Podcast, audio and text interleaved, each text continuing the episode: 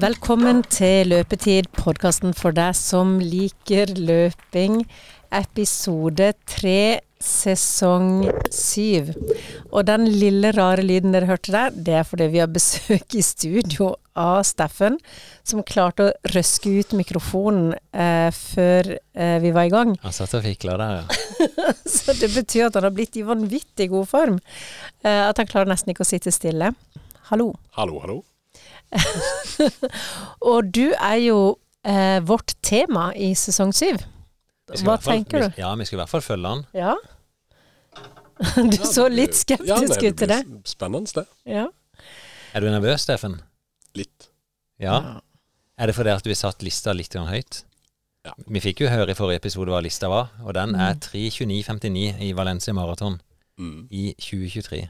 Det er Men- ikke noe å gjemme seg bak det. Hvem kommer på tallet 32959? Er det noe sånn der, har du noe sånn tallfetisj eller noe? Nei, eh, på ingen måte. Eh, ja, nei, eh, tallet kommer jo fra um, det forrige målet jeg nådde. Mm. Hvor jeg løp eh, hytteblandmila på under 50 minutter. Mm.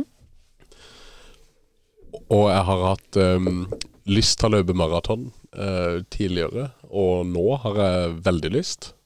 Og når jeg først skal sette et nytt mål, så var det jo det å finne noe som var hårete nok, og da tenkte jeg ja vel, da løper jeg akkurat samme fart, men mye lengre distanse.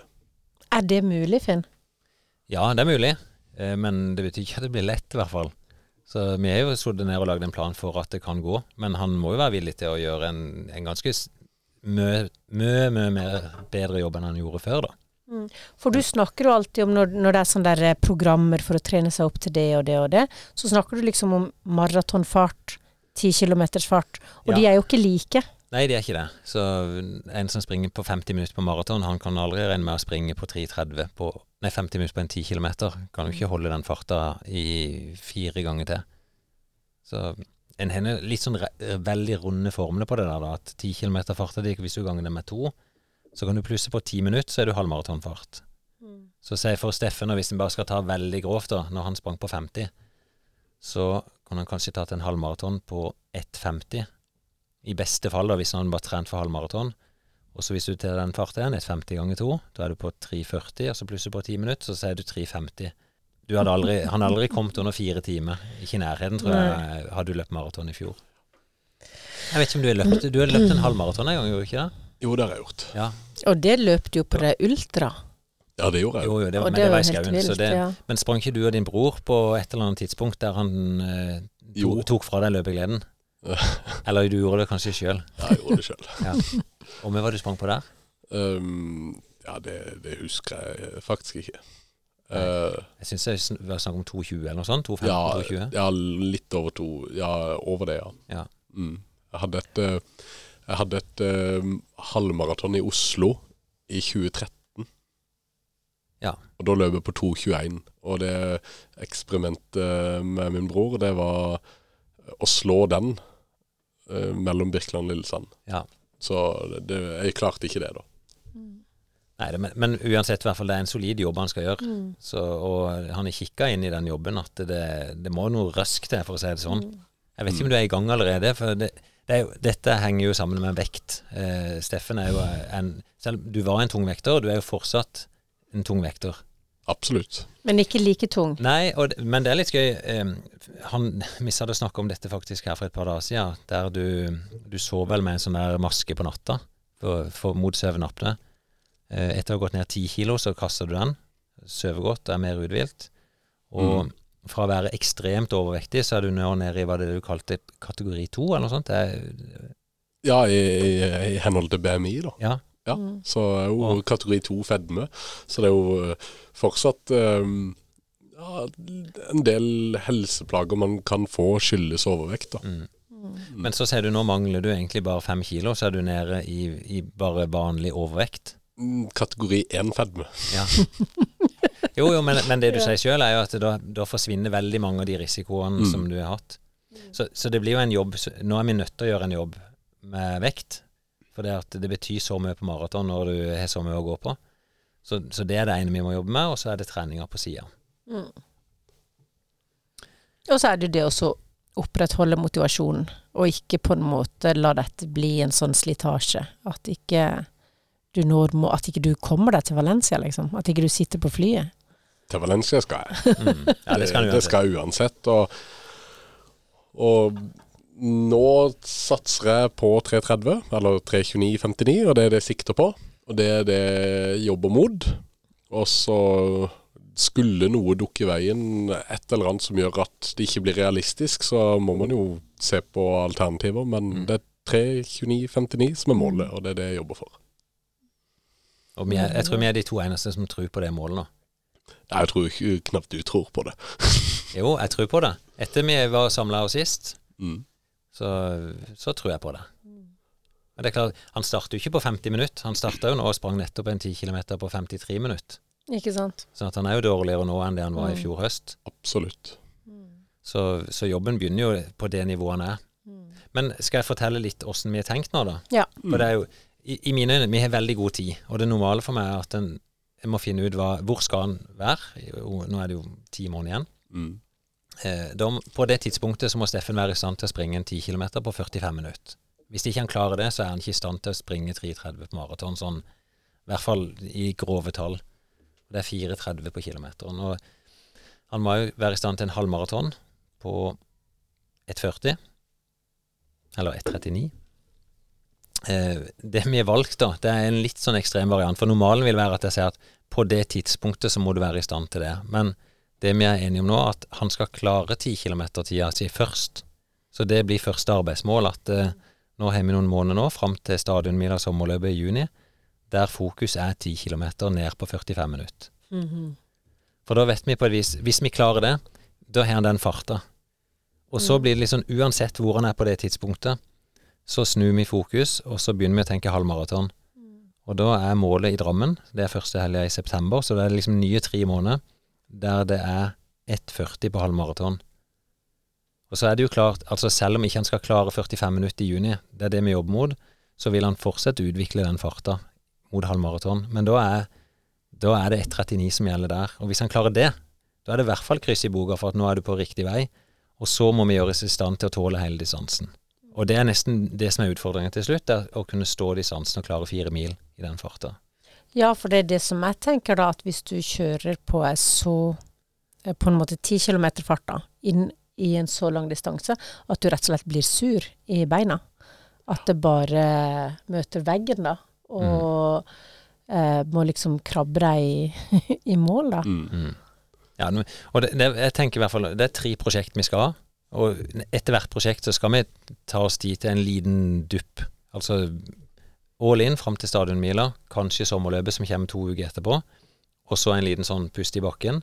Så kikker vi mot halvmaraton. Alt vi kan der, ny pust i bakken, og så er det siste etappen. Ok, tankeeksperiment her. Ja. Eh, Steffen har gjort alt etter boka, og nådd de målene. Alle tre? Eh, ja. Ja. Alt det, alt det som du har planlagt. Eller som dere har planlagt. Ja, som vi har planlagt. Ja. ja. Og det, for, for jeg skal si det at dette dette har vi gjort sammen. mm, Eh, og det er ikke alltid sånn jeg tenker, altså. Men nå, dette er en metode som han mener funker godt for Hanses sauer. Ja. Ja. dere står på startstreken i Valencia, eh, og han har fått beskjed om eh, at eh, ja, nå skal du ut og løpe, og du skal følge klokka di da. Eh, vil du da anbefale han å gå ut i den farta dere har bestemt liksom som han skal i mål, eller skal han begynne roligere og heller trappe opp etter hvert? Stoler du såpass mye på det at han kan holde jevn fart? Ja, jevn fart. Mm. Det er nok det Det er det beste løpsopplegget. Altså begynn i den farta. Og så kan du heller gjøre noen grep. Normalt på et maraton så vil jeg tenke at etter tre mil så kan du begynne å tenke Hvis du er i stand til å øke da, så gjør du det. Men er det ikke bedre å begynne litt roligere, da?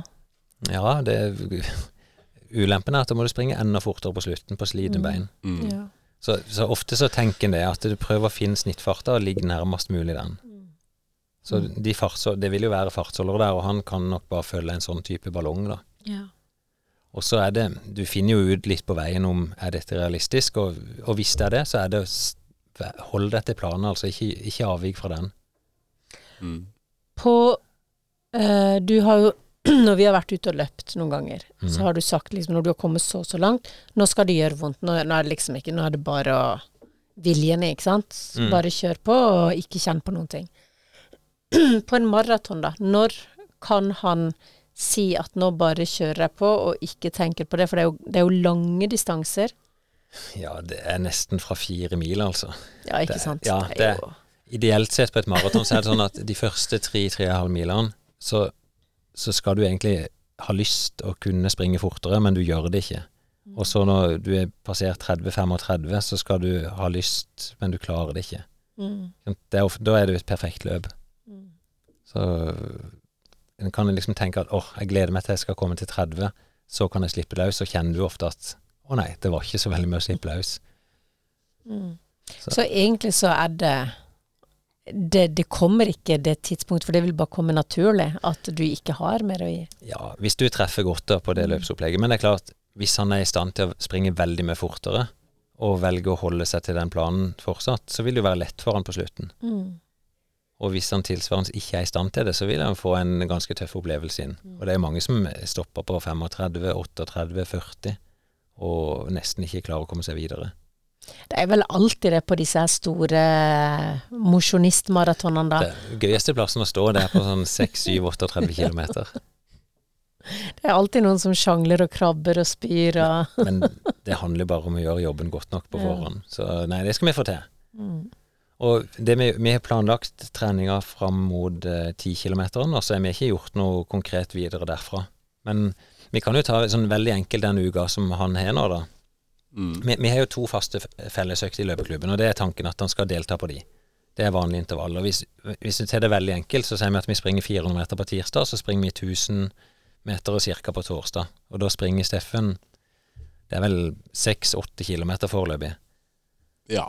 Sånn der. Og det vil vi kanskje gradvis øke òg, kanskje til åtte og ti etter hvert. Eh, men det ligger i bånn. Og så har han starta Det syns jeg er veldig kult, da, men han jobber jo på en plass som heter Fiven borte i Lillesand. Der han har starta ei egen løpsgruppe som jeg vet ikke, de- dere kaller det vel bare Fiven-intervallene? Ja. Noe sånt. På mandag. Og da leder han den gruppa, men da er han med som trener og gjennomfører det egentlig bare som en rolig tur, da.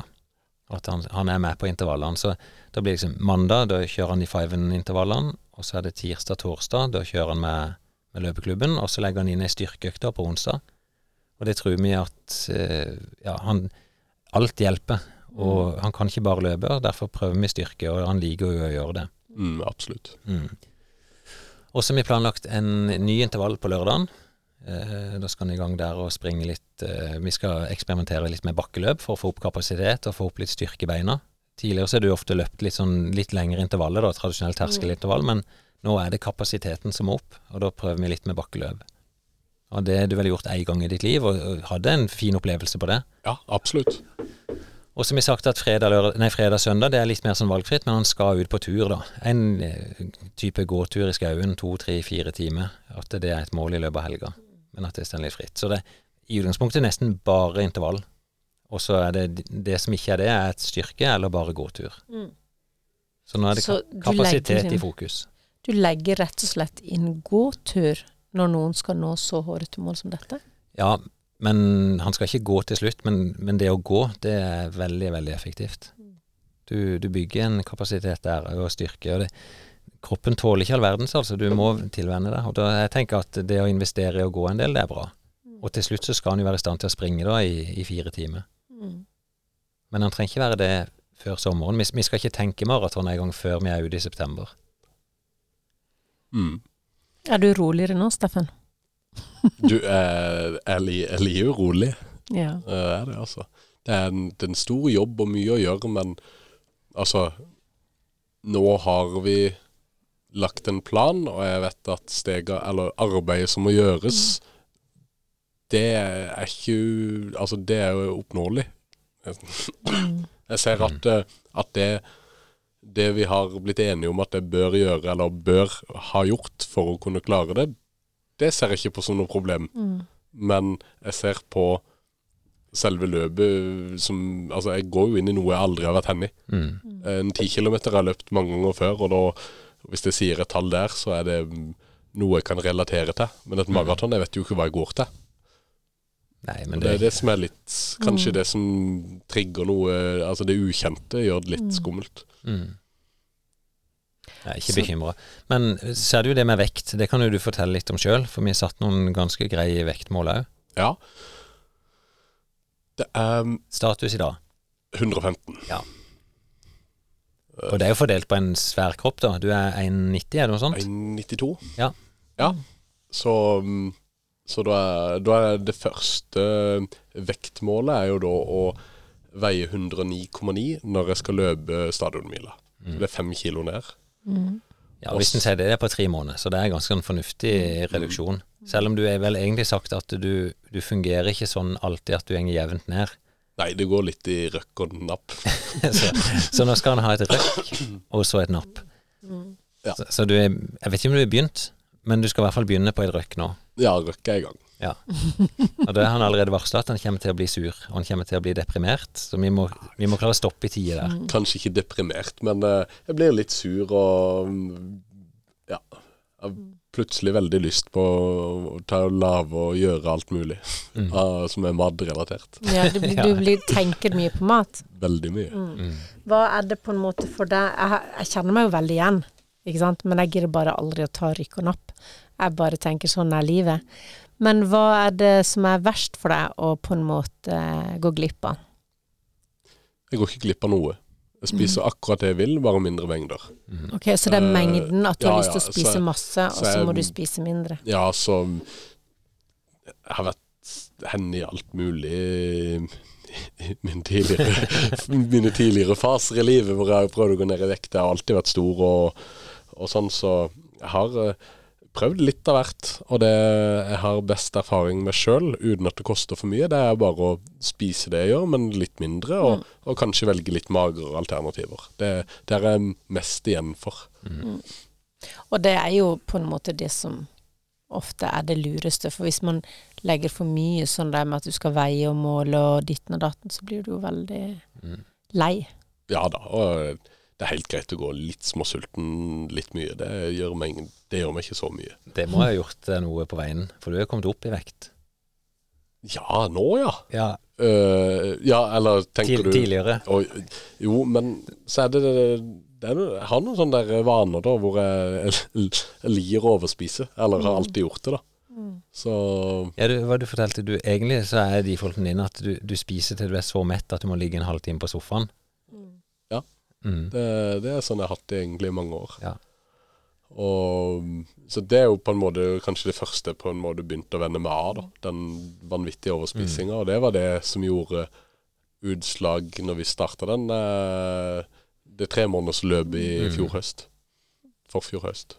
Og jeg må jo si jeg, jeg husker jo litt feil. Sånn, jeg måtte kikke litt tilbake, for jeg tenkte at han kanskje var på samme vekta rundt juletid i fjor. Men du begynte jo på 147, og rundt jul var du på 129. Og så er du ytterligere da tatt ned til 115, så du har vært eh, ekstremt flink da til å holde det. Selv om ikke han har vært helt stabil, så er du liksom Mm. bare kanskje to-tre kilo opp, og så er du gått nedover igjen. Men Så, det så ja. den vekta tror jeg du skal klare. Ja, jeg, jeg er ikke veldig bekymra for det, men jeg har heller aldri vært nede i det målet jeg skal ha ved startstreken. Nei. For det at eh, det går videre fem kilo per bulk, altså, eller bolk, så jeg skal, jeg skal veie 99,9 kilo når jeg står på startstreken på maratonet. Det, er- Ja. det er på en måte det, det endelige vektmålet. Mm. Ja. Det er, det er jo ikke et absolutt krav at eh, ikke sant, du kan springe fint under 3,30 på et maraton med høyere vekt, men det gjør det veldig mye lettere. Mm. Uh, og, så hvis ikke du klarer det, så må du ha bare større kapasitet. da. Ja. En gang så drev eh, Finn og så snakka og tulla med at jeg skulle løpe maraton. Og vet du hva han sa til meg da? Tande P har løpt maraton. ja. ja, men han er det. Så når ting er veldig ikke- slitsomt, så må Mm. du bare tenke Tande P har løpt maraton. Det var ikke en sammenligning.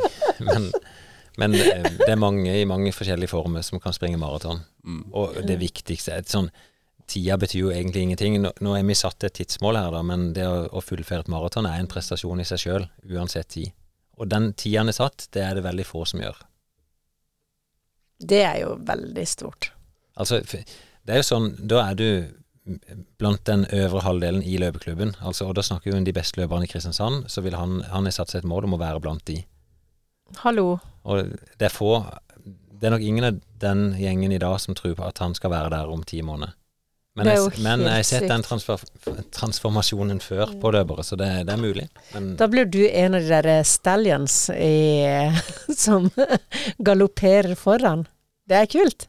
han er jo allerede der på fiven-intervallene. Ja. Så det er bare hvem du menger det med. Nå ble han litt stille her. Nå fikk han noe å tenke på. Øh, ja, jeg, jeg, jeg tenker sjelden sånn. Jeg gjør det for min del. Men eh, det som er veldig bra, da, det er at du har eh, et eh, Du har jo god kompetanse i Finn, og du er jo ikke aleine. Og det må føles eh, veldig greit å ha noen som følger deg. Det føles veldig bra. Ja, er det ikke litt det du har sagt, Steffen, at noe av det som er redda, det er det fellesskapet det med å ha en gjeng å gå til? Mm, absolutt. Mm. Så det er bra. Nei, vi, vi heier på, og vi kommer Ja. til å se deg igjen. Og, Og så tenker jeg at hvis det på en måte eh, Det er jo ditt mål, ikke sant? Det er det. Sånn at eh, det er jo på en måte eh, Dette er et hårete mål, og det skal man sette seg, og så hvis ikke det går, så kan du alltid nå det på et annet tidspunkt, eller regulere det. Absolutt. Hvis det skulle skje noe. Ja, ja. Og målet setter han sjøl. Nå hadde Mm. vi pushups-konkurranse her han var ute på besøk, samme kvelden som vi planla trening. Og han er jo dobbel Altså, progresjonen er jo enorm. Han gikk fra var det 8 til 16 til 17, var det. 8 til 17 på 20 uker. Så han er mer enn 100 forbedring. Mens jeg hadde fra 40, 40 til 42, var det det jeg klarte? Så det går framover. Veldig, veldig Mm. bra. Da skal jeg invitere dere på pushups-konkurranse hjemme. Vi gleder oss. Jeg, ja, vi skal jo møte Kjartan til duell, han Ja, som driver på handikaptoalettet og kjører pushups hver dag. Ja.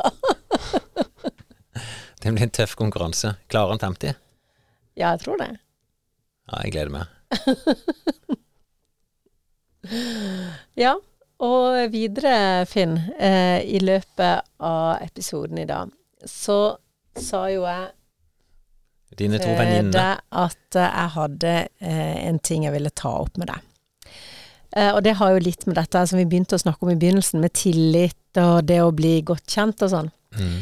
For det, eh, jeg var ute og løp denne her eh, ekstremt kjedelige gompemila for ikke så lenge siden. Ja, og det er fortsatt litt gøy at du kaller det gompe, for det er jo gompens auto. Ja, men jeg kaller den for gompemila. Ja, Er det, er det ikke det? Gompen. Ja, men Gompenmila. Det er veldig feil å si. Gompemila. Du kan få kalle det gompemila. Ja. Tur-retur. Helt flatt, fram og tilbake på langs uh, Torredalsveien. Ja, og for de som ikke kjenner Torridalsveien, så er det ikke noe de går glipp av. Eh, men i hvert fall, langs denne veien så løper jeg med Julia, som er min faste løpevenninne, og så ei som heter Katrine, da. Så dette spørsmålet er egentlig eh, noe som skjedde på femkilometeren eh, på denne gompemila, da. Er det fra de på et vis, eller er det Ja, det er litt fra de. Ja, ok. Eh, men da eh, snakka vi om uttøying og løping. Og så hadde jeg bare liksom eh, internalisert det du sa til meg i sesong én, da du og Maren var inne. Maren som var fysioterapeut. Mm. Så, så snakka vi om Eller jeg spurte dere om hvor viktig det var å tøye eh, når man løp.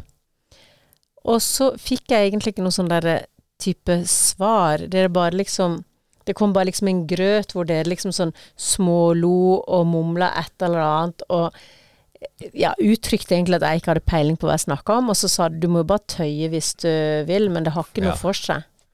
Det høres ut som vi behandler dårlig her. Ja, jeg dere, fikk, var- ja, var jeg fikk dårlig samvittighet nå. det var på et litt annet nivå. Da. Jeg var jo veldig Jeg hadde jo ikke peiling på dette, men jeg turte jo ikke å konfrontere eller spørre noe mer, for det, jeg hadde jo veldig, veldig respekt for dere.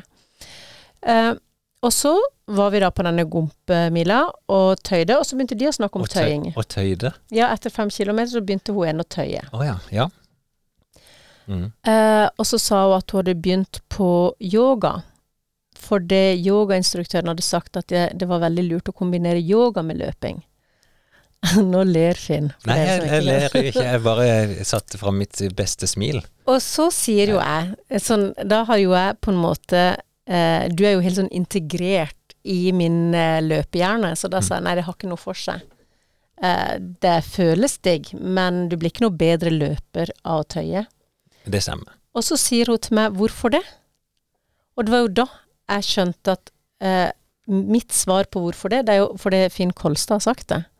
Og det er jo for dårlig. Ja, det er for dårlig. Så derfor så, til ære for mine to venninner, kan du forklare hvorfor det ikke er noe poeng å tøye og løpe? At ikke du blir noe bedre løper av å tøye? Mm, nei, hvis en skal se det litt sånn enkelt, så kan en si en eh, Altså en muskel, den blir jo ikke noe bedre til å løpe av om du, om du er strekt den og er bedre leddutslag i den. Det er faktisk litt sånn at en stram muskel er en rask muskel. Mm. Også, men så er det jo det det er jo mange aspekter i dette. Sånn, en kan se for seg at eh, kan dette være forebyggende mot skade? Og noen skader kan det jo det. At eh, hvis du er altfor stram muskulatur, så kan du for eksempel La oss si hvis du er veldig stram leggmuskulatur, så kan du få trøbbel med akilles. Ok, hvis du får trøbbel med akilles, får du ikke løpt, ja vel, da, da kan det lønne seg å tøye. Kanskje. Men de ser nok en bedre sammenheng mellom styrketrening og prestasjon. Mm. Men det, det er nok veldig lite dokumentert at tøying hjelper for stort sett annet enn at du blir mykere, da.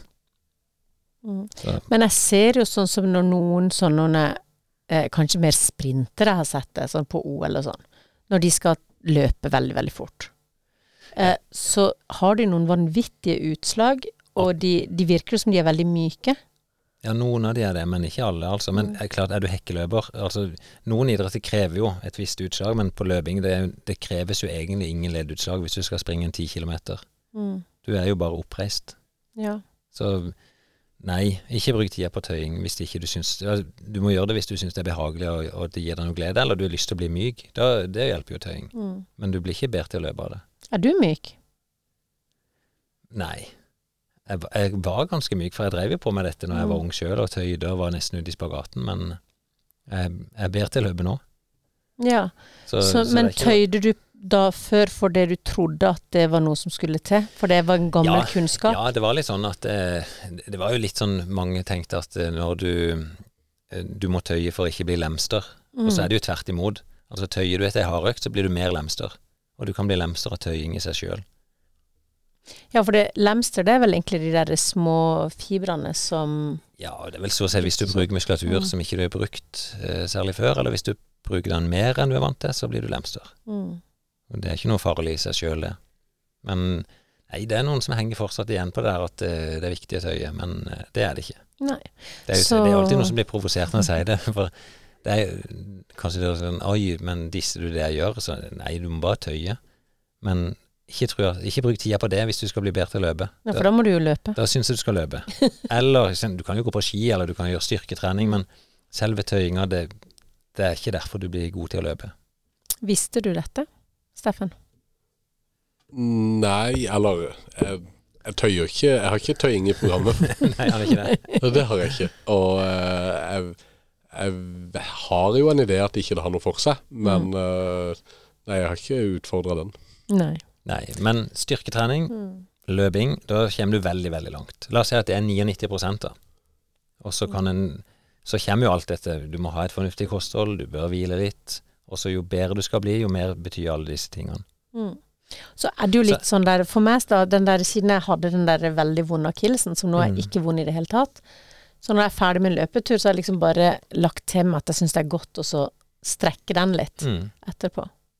Men jeg vet ikke om det er noe forskjell, som du sier. Det, jo, og det burde jeg kanskje presisert. Altså, hvis du er, har problematikk med skade, så kan det være det at du må løse opp i viss muskulatur. Det veldig mange bruker, er jo massasje. Altså Mm. type tverrmassasje, og, og jobbe med muskulaturen og få gjennomstrømning i den, og så dratt den på den måten, da. Mm. Ja, og så ligge på sånne ruller, ser jeg noen gjør. Ja, det er mange altså, Og det er jo ikke tøying, altså. Eh, Det er bearbeide muskulaturen. Og de fleste utøvere, i hvert fall på et visst nivå, de bruker en del av det.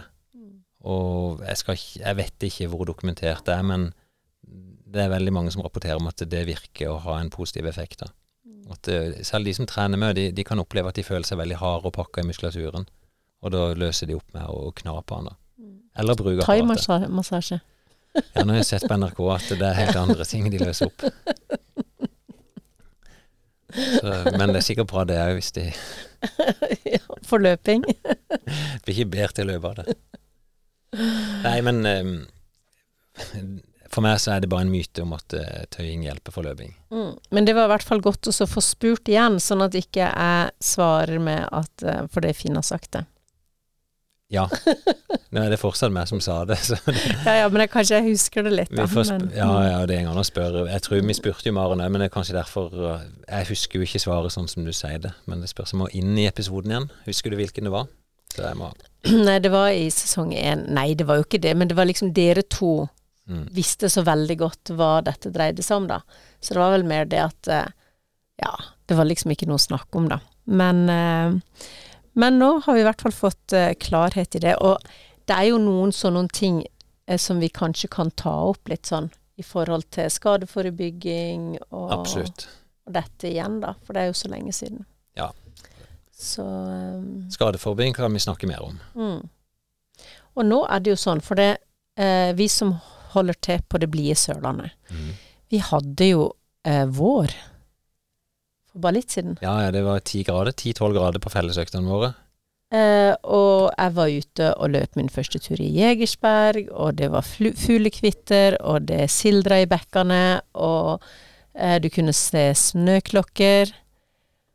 Og nå Det er fortsatt vår, men uh, er, det, det ser ut som vinter. Nei, det snur jo fort her nede òg, så nå det, var det åtte minus i dag morges og snø. mm. Så vi hadde ei uke nå som vi måtte bare droppe fellesøktene.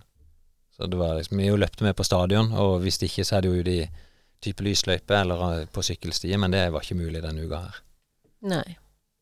Og det er jo da Det tenker du at det er jo sånn typisk når du har begynt den der utesesongen, og det å gå inn igjen da Det er litt kjipt. Nei, Det Nei, jeg anbefaler tredemølla igjen, altså, for det er fort å få vondt. Både når det er kaldt og når det er glatt, så blir du lettere skada. mm. Så jeg ender på tredemølla sjøl. Ja. Og da er det mye intervaller, da? Du tar ikke lange løpturer på Nei, mølle? jeg, jeg springer nesten aldri bare rolig tur på mølle. Nei, det er intervall. Jeg prøver alltid å komme meg ut av hvis jeg skal springe rolig. Og det er litt forskjellig hva jeg gjør. Altså Jeg ender ofte opp med seksminuttere, eller så ender jeg ut med en eller annen form for pyramide. Det er mine favoritter, da. Mm. Sånn type 5, 4, 3, 2, 1 ganger 2 eller ganger 3. Og så seks minutter. Det, det som er fint med det, syns jeg, at det er, du får gjort mange minutter på ett drag. Så gjør du seks drag, da, så er du plutselig like mye som du skulle gjort tolv treminuttere. Og så føles det ikke dobbelt så langt. Men du, i forrige episode så hadde vi om det styrkeprogrammet ditt. Hvilken styrkeøvelse har du hatt i dag? Ingen. Ikke så langt. Ja, hvorfor? Det- I dag gikk jeg bare rett forbi. Jeg hadde litt dårlig tid når jeg kom. mm. Men jeg skal innom. Men jeg, nei, jeg har vært flink til det, altså å gjøre en styrkeøvelse hver dag. mm. Så i går, som jeg bare tenker, da gjorde jeg noe sånn, ja, sånne rare nedtrekk. Sånn Ja. eh, dagen før der, da drev jeg og løfta 60 kilo som lå på gulvet igjen. Og så dagen før der hadde jeg knebøy, så ja, jeg har vært innom. Mm. Men jeg ikke, ser jo ikke sterk ut på noe som helst vis, men det hjelper litt. Mm. Og så nå blir det bakkeløp i morgen. Så jeg gjør jo sånn type styrketrening òg. Mm. Veldig bra. Det du ikke hører, Anna skal prøve å finne ut hva neste post er. Ja, men han vil, han vil ikke Vi skal til USA, Anna. Vi skal er- til USA, for det Finn, siste episode så var det jo dagen før du satte deg på flyet for å besøke to av døtrene dine som mm. er på utveksling i USA. Og det var jo eh, ei som er i Florida, mm. hvor det er varmt og godt, Det og- ja, det var, og split shorts. ja, det var litt av en koffert vi måtte pakke der. Eh, vi hadde jo sett på værmelding på forhånd, og der meldte de jo mellom 25 og 30 grader. Så der eh, var problemet å løpe i varmen. Og så var det videre nordover, oppe i Wyoming, i cowboyland, Midtvesten. Eh, der var det minus 32. Det er jo helt vilt. Ja, det, det er nok de samme forskjellene i Norge òg, men da er det mer sånn fra sommer til vinter, da. Mm. Men eh, nei, det gikk bra. Jeg, jeg dokumenterte litt, og vi kan godt gå inn og høre. Skal vi ta og gjøre det først? Mm. Og så høre litt åssen det høres ut i Florida, åssen det høres ut i Wyoming. Så kan vi snakke litt om det etterpå. Da var jeg endelig på plass her i USA. Tampa, Florida. En bitte liten et lite sted som heter Odessa, som ligger litt utenfor Tampa. Der har jeg ei av mine tvillinger da, som er på utveksling i et år. Vi reiste et døgn ca. i går, og så møtte vi henne og vertsfamilien et par timer i går kveld når vi kom fram. Og så har vi egentlig bare sovet noen timer nå, og så opp med sola. Det er jo litt tidsforskjell, så det er seks timer tilbake i tid. Så jeg våkna klokka tre lokal tid her i natt og ble liggende og jobba litt. og ja, Spist litt, og så da sprang jeg bare en tur. Eh, hotellet ligger Det er litt sånn klassisk eh, det området her at du er hotellet som ligger langs noen motorveier. Og så er det ikke veldig lett å finne gode plasser å løpe, altså. Så jeg spurte om litt hjelp, men de var ikke så veldig godt kjent altså, med løping. Så da endte jeg fire kilometer opp eh, langs motorveien her med tre felt i begge kjøreretninger. Og det er ikke, ikke sett noen andre til fots, i hvert fall. Det er jeg ikke. Nei, så stoppa nå bare med et lite sånn vann. Ehm, det, det er masse av disse her i Florida. Med krokodilleadvarsler de fleste plasser. Jeg aner faktisk ikke om det er i alle sammen her, om det kan dukke opp, men ja ja. Jeg skal i hvert fall ikke gå og bade. Så det er bra. Men godt og varmt. Det er vel, jeg tror det var et par og 20 grader nå jeg sprang ut nå. Så skal det bli 27-28 grader. Og det kan jo bli spennende den, eh, den reisen, for vi skal videre opp til Wyoming og et sted som heter Powell, rett ved Yellowstone nasjonalpark. Der er de meldt 29 minus når vi skal opp. Så det er nesten 60 grader forskjell. da blir det ikke shorts og T-skjorte som jeg springer nå. Nei, jeg får gå tilbake på betongelementene her. Se der. Da skal jeg kanskje ha gjort litt bedre forberedelser, i dag. Jeg er på dag to her nå i USA. Fortsatt på dette Holiday-hotellet, og vi skal være her i Tampa i, i, fem dager. Og nå var det forskjell, altså. I går var det jo et par og 20 grader når jeg sprang ut. Og det gikk vel opp i 27-28 grader i løpet av dagen. Så var det nå bare 10-11 grader når jeg komme ut av døra nå. Klokka er faktisk blitt kvart på åtte, så jeg så det klart siden klokka ja, kvart på syv. Men eh, jeg, måtte, eller jeg skulle legge ut en episode to av løpetid, og den, det tok lang tid. Så nå er jeg i hvert fall klar. Men det jeg har gjort i dag, er at eh, jeg bruker Strava til å loggføre trening. Men de har en sånn artig funksjon der du kan planlegge litt hvis du er på nye steder. Eh, Da er det sånne ruter så hvis du er inne i Strava-appen på mobilen, så tror jeg det sender Maps. Og så kan du angi der eh, litt sånn ønske om lengde. Så nå jeg valgte 10 km. Og så kan du velge underlag, da. Eh, jeg prøvde først på det som de kaller dirt, eh, men det, det var ingenting. Men any surface, altså uansett underlag, da, der, da var det flere runder. Så om ikke annet, jeg ser at jeg skal springe litt langs motorveien her først, men det ser ut som det gikk opp eh, litt mer sånn inn i landet. Så får vi se det før meg. Da. Men da er det litt enklere å skal vi si, motivere seg, ikke bare springe helt på måfå. Så hvis dette er riktig, da, så skal det være 9,76 km. Så da har jeg funnet fram eh, i det lange løp-podkasten som jeg skal høre i dag. Ligger en episode bak, så jeg skal høre om Oddvar Brå. Og så forhåpentligvis har jeg både hatt det fint og lært litt mer. Også når jeg sa det var litt kaldt, det er egentlig bare en pluss, altså. Sola skinner står allerede et godt stykke på himmelen. Og 10-12 grader, det er kanskje perfekt løpetemperatur. Steik, altså. Nå er jeg veldig fornøyd. Da fulgte jeg jo denne løypa ut, og det gikk var det snaut to kilometer langs motorveien, så dro vi opp til venstre, eller med Strava. Eh, og så inn i sånn helt fantastisk Det ligner nesten sånn på et naturreservat som òg er bygd opp da, med ja, nye boliger. Det kan ikke være gammelt, dette feltet. Men de har vært veldig flinke da, til å kombinere både natur og bebyggelse. Alle husene liksom i samme stil, men god plass og lange strekk der det bare er ja, noen sykkelstier og litt bilvei, men veldig bra med plass. Og når jeg stoppa litt oppe og bare ut ved en sånn innsjø som de har beholdt. Jeg snakka litt i går med han som blir vertsfar da, for dattera mi som er her nede. Da gikk vi rundt og leide etter alligatorer da, i området deres. Dette er jo et område som Det er jo nesten sump hele Florida. Helt flatt. Og, og vannet ligger liksom helt ja, både inn og under husene. At eh, myndighetene her at de er strenge da, på å beholde det naturlige. Altså både mangfoldig natur og dyrearter. Og at de lever tett på, på de dyrene her. da. Så det er ganske vanlig at alligator og slanger at det fins rett rundt husene. Men at det egentlig er ikke noe de bryr seg med.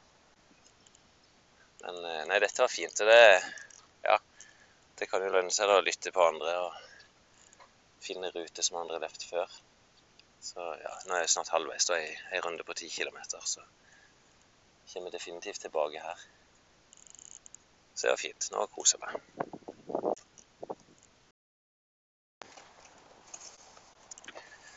Sånn.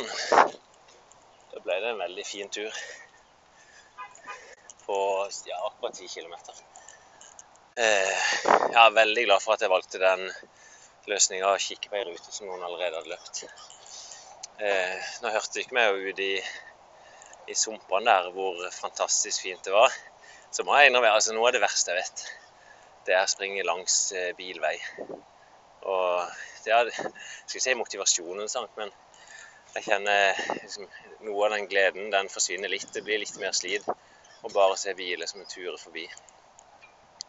Så sånn er i hvert fall jeg lagd. Men veldig fornøyd. Fin morgen. Eh, da er det inn og spise frokost og se om vi kan finne på noe gøy med jentene. Ja. Om de ikke hører disse lydene. Men det minner meg faktisk litt når jeg er tilbake til Afrika. Eh, vi er på tredje dag nå i, i, Florida, så det blir jo sånn når en er på samme sted. Første turen blir litt sånn ikke fiasko, da, men jeg sprang og, og leide langs motorveien, fant ingenting. Dag to fant jeg en runde på ca. ti. Og så nå, før jeg gikk ut, så kikker jeg bare litt sånn nøye. Da har jeg kontroll på den runda. Hvor jeg kan liksom gjøre noe annet ut av den. Og da fant jeg ut at det er jo masse sånne stikkveier og ja, det ser ut som en mindre stie, da. Så det eksperimenterer jeg litt nå. Jeg skal litt lenger, da, kanskje kan ta 12-13-14 km.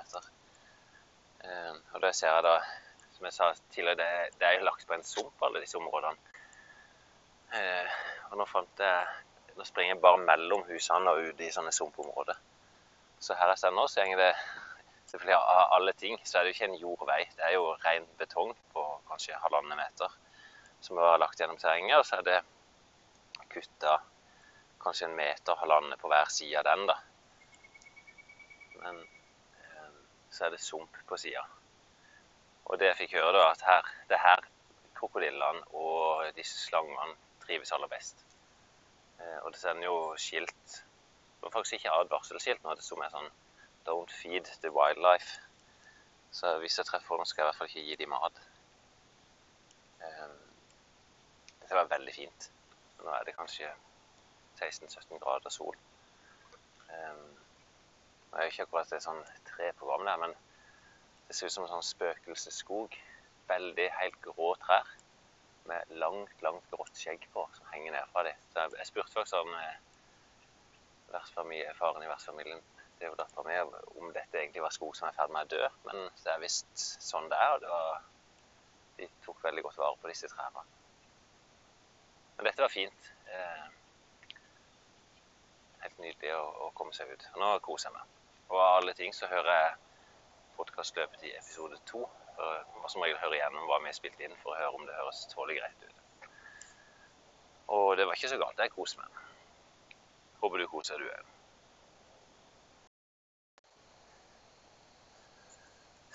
Ja, det er inne på siste dagen i Florida. Så tenkte jeg kunne ta med liksom åssen en kan oppsummere fire løpsdager på et helt nytt sted. Eh, det jeg endte opp i dag. Eh, sprang ut litt før åtte. Og så nå begynte jeg å bli kjent. Jeg klarte jo å lage meg en ny runde i går der jeg sprang på de små stiene. Og nå begynner jeg å føle meg trygg nok til at jeg kan eksperimentere litt på de. Så at istedenfor å springe hele runda, så valgte jeg heller nå å krysse litt krysse tvers inn i, inn i disse sumpområdene. Og så tilbake den veien jeg syns er best. Så ja, skal vi si, fire dager på en plass, så begynner en å bli kjent. og Jeg syns sjøl at eh, de første turene er ganske lange når ikke en er kjent. Man driver og leter seg fram. Eh, men sånn som jeg, nå vet jeg, jeg vet hvor jeg springer, så jeg liksom slapp mer av og lar tankene fly. Så nå, nå er det vel, jeg vet ikke, 17-18 grader kanskje. Det var litt tåkete nå på morgenen, men vi skal gå fra dette og så rett opp til Wyoming, der eh, de meldte minus 28. Så får vi se det kjennes ut nå på onsdag, torsdag, fredag. Eh, det blir i hvert fall ikke den samme opplevelsen. Jeg vet ikke om det er mulig å springe ute når det blir så kaldt. Men det finner vi ut av. Vi høres på veien.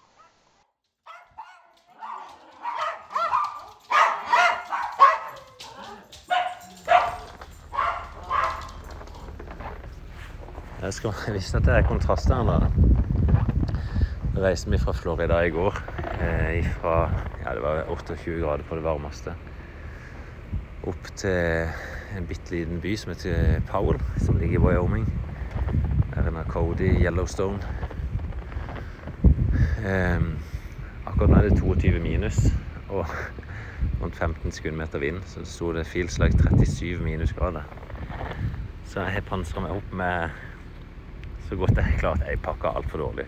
Men hadde jo ikke bøff, så jeg bruker T-skjorten over trynet, som er en slags balaklava. Så jeg alle ting så hadde jeg glemt treningsbukse, da. Så jeg hadde heldigvis en litt sånn fluffy nesten vadmelsbukse som jeg kan springe i. Og så er det noen gode hansker, og så ei god lue. Så det skal ikke bli så galt. Så målet er å få løpt en liten halvtime. Så fikk jeg akkurat melding fra dattera mi hun savna sola som er her forleden, at hun hadde tatt solarium. Hun hadde tatt 15 minutter og er ildrød over hele kroppen. Så nå klokka er syv på morgenen nå, da, så hun sto eh, for å ikke ligge på, på de brente brannturene sine. Så hun spurte om jeg kunne gå innom butikken og kjøpe med noe eh, aloe vera-krem og noe smertestillende. Så det får i hvert fall bli en liten sånn misjon på turen. Men jeg får se åssen jeg springer opp. Det, det, blir kaldt, det gjør det i hvert fall. Det er ganske røffe forhold. Eh, jeg så det var liten kuling ute, så det, det snør. Og så blåser det så kraftig, så det er nesten, nesten ikke sikt. da. Ser kanskje 100 meter. Nå har jeg akkurat fått levert ting til dattera mi, og så var jeg borte og så til skolen der hun skulle gått. Nå var det stengt på skolen i dag, da, for forholdene var litt drøye. Så, men nå får medvind tilbake, så jeg tror jeg skal hjelpe litt. Eh, det pisker mot meg ryggen her, men jeg fant meg litt grann det. Og den T-skjorta som jeg bruker som maske, den var gull verd, altså. Den stønner bare som, sånn, som, et stort munnbind foran trynet mitt. Selvfølgelig fryst. Men da blir det 7-8 km, så det blir iallfall løpt. Eh, det hadde jeg glemt, at det, det, ligger faktisk på 1400 meters høyde der oppe. Så jeg kjenner at eh, det er litt tyngre å springe enn vanlig. Så kan det selvfølgelig være jeg lurer meg sjøl om at det er så kaldt. Ja, jeg fryser faktisk på tærne. Jeg jeg tok på meg to par sokker og strømper. Men eh, det blir kaldt gjennom uansett. Jeg burde sikkert hatt noen ullsokker utenpå. Er bra. Jeg springer tilbake og skal få varmen i meg. Se nå, nå er vi ute på runde to i dag, eh, oppe i Powell. Og nå hører dere kanskje at stemmen er litt mer sånn eh, ja, i tjom i bakgrunnen her. Og det er fordi at jeg har vært og kjøpt meg ansiktsmaske. Denne T-skjorteløsninga funka som eh, Den funka altså, men veldig midt på treet når den frøys til is og ble bare en sånn stor, stiv maske som sto egentlig nesten fast under øynene mine. Så nå har jeg på meg ansiktsmaske. Jeg har fått lånt en tights og en stillongs fra dattera mi og ekskona mi. Eh, og så har jeg gjort en liten Jeg begynte å fryse litt på tærne i stad. Fikk litt sånn neglesprett. Eh, I stad hadde jeg to lag med sokker inni skoen. Nå har jeg bare ett par sokker i skoen og ett par utenpå skoen. Jeg egentlig håper om at det skaper litt mer luft, og at det ikke blir så kaldt på tærne. Eh, og det er like kaldt, eller enda kaldere. Det var 23 minus nå, og sto minus filslag minus 38 til 39. Så kaldt blir det. Eh, jeg sprenger kanskje 6-7-8 km. Skal vi se hvordan det føles. Eh, medvind føles veldig greit fra i stad, i hvert fall. Og så motvind var helt gyselig. Men så får vi se om den oppgraderinga hjelper litt, da. OK. Du, det ble en veldig fin tur. Eh, den ansiktsmaska fungerte jo helt perfekt. Blir så litt liksom spytt, spytta slim inni der, så jeg må sikkert skylle den etterpå. Men frøs ingenting i fjeset, og forhindrer meg ikke noe å puste heller. Eh, jeg sprang en runde på kanskje 8 km nå, da. Og ja, det er jo 50-60 km i timen med vind og 23 kuldegrader, så effektivt er det ganske drøy kuldepåvirkning. Men med sokker på skoene, to, to supertrøyer og ei god jakke, stillongs og ei bukse, så funker dette veldig bra. Og gode hansker og god lue, selvfølgelig. Så nei, veldig fornøyd. Så er det bare for å dusje, så er det pizza på gang.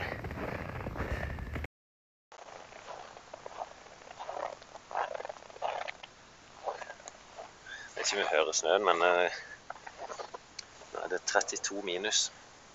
Så det er nesten sånn at det biter rett på kroppen en gang jeg kommer ut. Men til forskjell fra i går, da, så er det nydelig vær. Eh, Sola er akkurat på vei opp, og klokka er rett over syv om morgenen.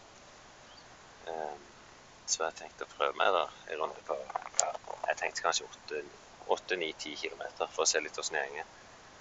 Det blir jo garantert litt kaldt, men eh, får bare tåle det. Jeg kledde meg opp sånn som i går, med sokker og skoene, to lag på beina, tre lag nå på toppen, og så denne ansiktsmaska og det er faktisk ei T-skjorte rundt som jeg drar, dro rundt halsen òg, bare for å beskytte ekstra godt der, da. Og så lue, og så egentlig vanlige votter, da. Sånne krabbevotter, hvis du ikke kjenner til de. Um, ja, jeg skal bare komme i gang. Men uh, jeg gleder meg faktisk til å bare nyte morgenen. Tok med meg litt podkast òg, så jeg skal høre litt på det. Sånn. Det ble en vanvittig fin tur. Da fikk jeg med ca. 10 km totalt på rett rundt 49 minutter. Så selv om det var kaldt, så gikk det egentlig en grei tralt. Eh, temperaturen var ingen problem. Eh, jeg var jo godt pakka inn.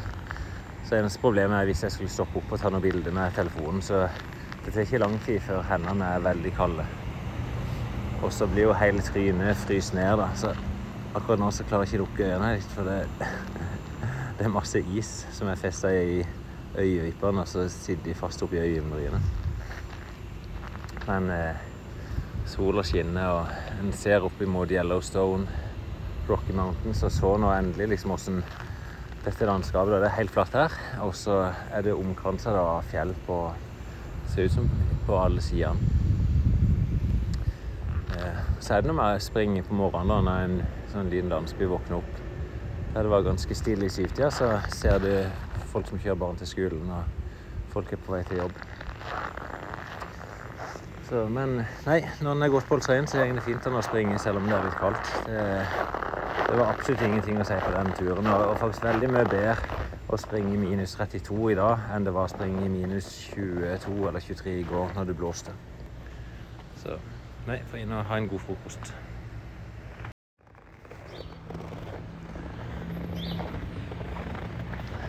Ja, vi er allerede på tredje dagen her oppe i Powell. Nå står jeg godt påkledd. Det begynner å bli rutine. Så det, det tok ikke lang tid sånn sett å omstille seg fra ja, det er 25 pluss da i, i Florida til 25 til 30 minus her. Ehm, Det er egentlig bare å kle seg godt. Er det, opplevelsen er jo ikke den samme, altså. Det, det er tyngre og seigere å springe disse turene her. Det er ikke tyngre å komme seg ut, men det er liksom Alt er litt mer sånn seigt eh, i steget. Det er ikke den samme gode, frie følelsen. Jeg vi snakka jo litt sånn om å, å bruke Strava til å finne kart. Eh, her oppe er det, det er jo så liten, lite sted og så lite aktivitet at det er jo ikke noen gode forslag på noe kart her oppe. Det var to ruter det foreslås på 1 km, eller 1,6 og 1,1, så det blir litt kort. Og så var det ei rute på 11 som bare fulgte veien uendelig langt bort. Så et lite smett inn på en kilometer, så tilbake igjen. Så her har jeg bare blitt mer kjent med å, å lage disse rutene sjøl. Men det er jo veldig oversiktlig da her. Så jeg har jo løpt rundt denne byen noen ganger nå. Så nå er det litt seinere ute i dag. Klokka er snart halv åtte. Eh, sola er allerede kommet godt opp på himmelen, så jeg tror det blir ganske behagelig.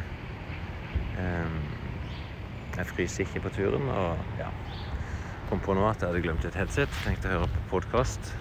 Ny episode i lange løp. Så da begynner jeg å hente det, og så blir det et mål om 12 km. Det skal gå fint.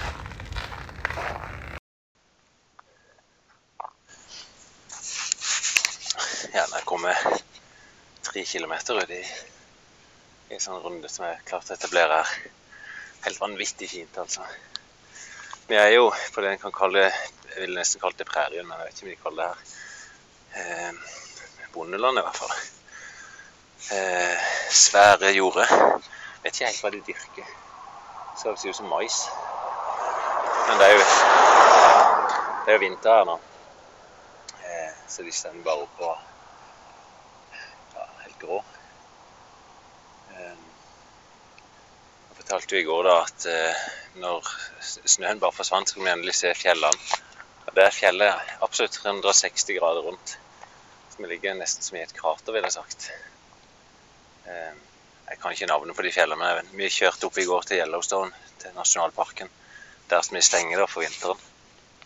Eh, Naturen er helt vanvittig fin her oppe. Yellowstone går videre inn i, i Rocky Mountains. Ehm, nei, det, blir sånne lange, fine strekk her. Jeg springer to kilometer bort, kanskje to kilometer inn i landet. Så kanskje fem kilometer bare helt rett fram. Eh, og det er liksom sporadiske hus.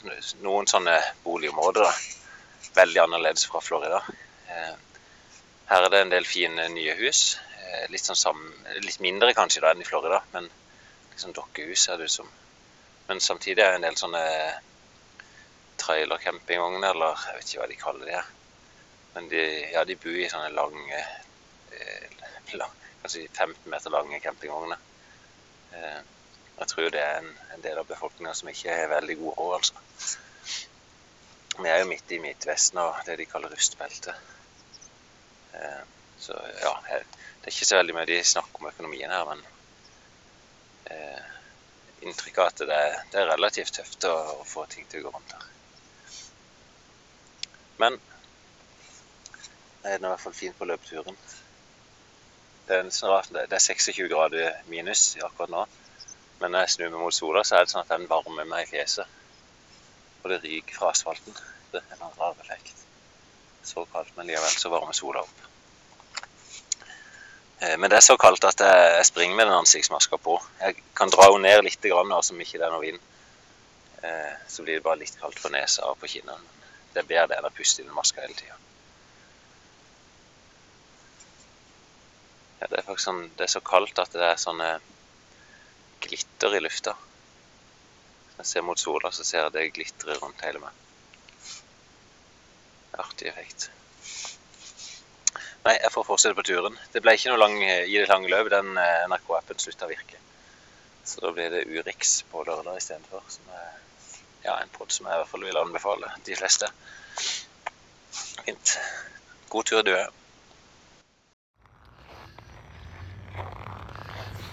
Sånn. Det ble det tolv gode kilometer. En veldig fin tur, altså. Nydelig sol fra start til slutt. Eh, Det er så kaldt at mobilen dør jo underveis, så jeg må varme den opp. Putte den inn i underbuksa og varme den opp på hofta. Men eh, det gjør for så vidt ingenting. Klarer meg fint uten lyd. Så nei, det blir kanskje siste rapporten fra USA. Eh, Så får vi kanskje oppsummere litt i studio. Skal jeg ikke gjøre det nå på morgenkvisten. Skal jeg heller inn og få meg et godt bad. Ha det bra fra Paul. Nei, det ble ikke det siste opptaket som du hørte nå i stad. For nå ble det så helt enormt fint her at jeg var nødt til å ta dere med på dette òg. Eh, været er jo snudd helt. Nå er det pluss fire-fem grader og sol. Rett nok, så blåser det bitte grann, men eh, det føles jo som en fønvind som kommer inn nå. Eh, ja, så nå er veiene ganske bare. Så nå tok jeg på meg shorts. Og mm, jeg løpte en tur før i dag. Da sprang jeg ut i dag morges, så da var det 15 minus. Eh, føltes bra. Eh, det er helt merkelig. Det føles nesten som å springe i null hjemme når det har vært så kaldt. Det er tross alt 17 grader varmere enn det det var dagen før. Eh, men nå skal jeg bare ha en liten tur. Jeg skal ned og møte dattera mi. Kanskje jeg kan få lurt om jeg har sagt noe om. Um, hun bor ca. to km fra det motellet vi bor på. Så jeg springer ned til henne, og så var vi enige om at vi skal prøve å jogge en fem km her i, i Powell. Så hun utfordra meg på at jeg skal finne favorittrunda mi her. Eh, Jeg har jo sikkert løpt mer enn hun har gjort her allerede, så jeg skal vel finne, finne en fin runde. Men nå er det shorts. Jeg har på noen lette hansker i lue og en vanlig løpstrøye fra løpeklubben. Så øh, gleder jeg meg nå, rett og slett. Det føles bra å slippe alt det tøyet. Det gjør alt som er mer stivt og, og trasig. Så nei, jeg får sette i gang.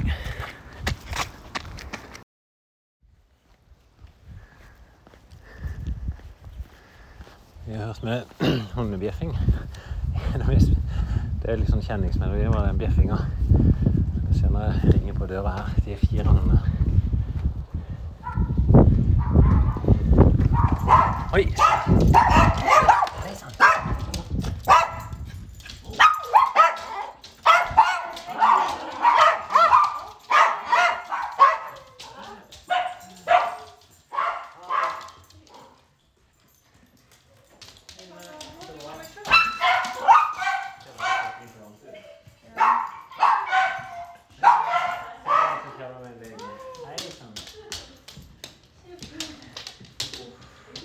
Jeg sover en.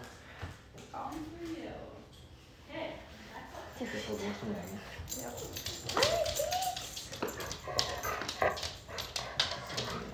Nei, det er runde som jeg har tenkt. Jeg bare viser, jeg kan vi eller forklare underveis. Nå er vi inne på podkast òg. Å nei. Nå gjør vi det. Å, så kaldt. Det er ikke så galt, da. Ine tok solarium på mandag. I dag er det fredag. Så har hun vært Det tok 15 minutter. Og jeg har vært så solbrent som du aldri har vært. i jeg tippe. Aldri gjort så vondt før. Jeg fikk ikke sove de tre første dagene. Nei, du sto vel oppreist på det av nettene. Ja, Ja. Du, jeg sa nettopp i start at jeg tipper kanskje jeg har løpt flere kilometer enn det allerede nede. Jeg har kanskje løpt, jeg løpt kanskje seks-syv mil. Jo, ja.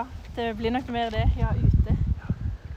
Så nå tenkte jeg vi skal ta en runde som jeg kan ikke kalle noen favoritt, for det er jeg ikke her ennå. Ja. Men jeg tenkte vi springer bak husene, Mhm. og så ned den eh, asfaltveien, og så inn grusen, opp mot sykehuset. Og så venstre, opp mot skolen din, vanntårnet. Vi må forbi vanntårnet selvfølgelig. Og så, og så tilbake, enten bare rett forbi skolen, eller grusveien bort. Okay. Vi er klar? Flott ut. Jo. Fem kilometer, formen er knallgod, jeg skjønt. Nei. Formen er ikke bra. Det er trist når dattera mi har prestasjonsangst for å springe med sin far. Ja, det blir Ja, men Det er dårlig. ja da, vi skal bare kose oss. Du, nå skal vi kose oss, for dere andre koser ikke der dere ikke. Der vet du, ble vi hilst på av sheriffen. Jo. Det funker bra dette, Øyne. Ja, det er ikke det verste, men jeg har sett bedre tider i dag. ser vi har sprunget ja, og en halv kilometer, så det blir sikkert seks, seks og en halv. Ja. Men jeg syns vi koser oss. ja, det er jo en kosetur. Men jeg kjenner det jo litt i pusten. Ine hun har altså familierekorden i 45-15 drag. Yes, intervaller. Er det Jeg har løpt 60. 45 drag. Ine løpt Hva var det 62-3? 64. 64? Ja, ja, ja. Jeg visste ikke at det var noe familierekord engang. Bare hadde mye tid, og, tid på meg. Det er ganske kult. Du sprang jo. Det var, var det 2020, dette? Ja, det var korona, så var det ikke så mye bedre å gjøre. Du sprang fra 13 til 16, var det cirka? Ja, på slutten så ble det jo opp mot 19. Da kan vi sette en strek ifra løping i USA. Hatt veldig mange fine turer. Noen helt grusomme. Men eh, i sum da, så har jeg fått løpt hver dag som vi ikke har vært på reise. Noen da to ganger. Og ja, oppsummert på alle plassene jeg har vært, så er det nok etter tre-fire dager så jeg å finne stedene det går an å springe på. Eh, Jeg syns turene går kjappere òg når en slipper å måtte leide seg fram. Og det å kunne avslutte her nå, Powell, kanskje fire pluss, sol. Rett nok litt mye vind, men eh, ja, nydelig i shorts. Du, takk for nå. Så får vi se om jeg rekker en tur før jeg reiser med fly i morgen, men den skal du ikke slippe å få noe referat.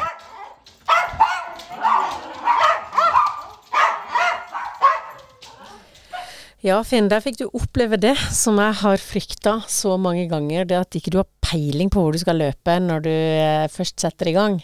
Ja, Når du er på tur. ja det, det krever noen turer før du begynner å bli kjent. Jeg synes, det er de verste turene òg, det er de første.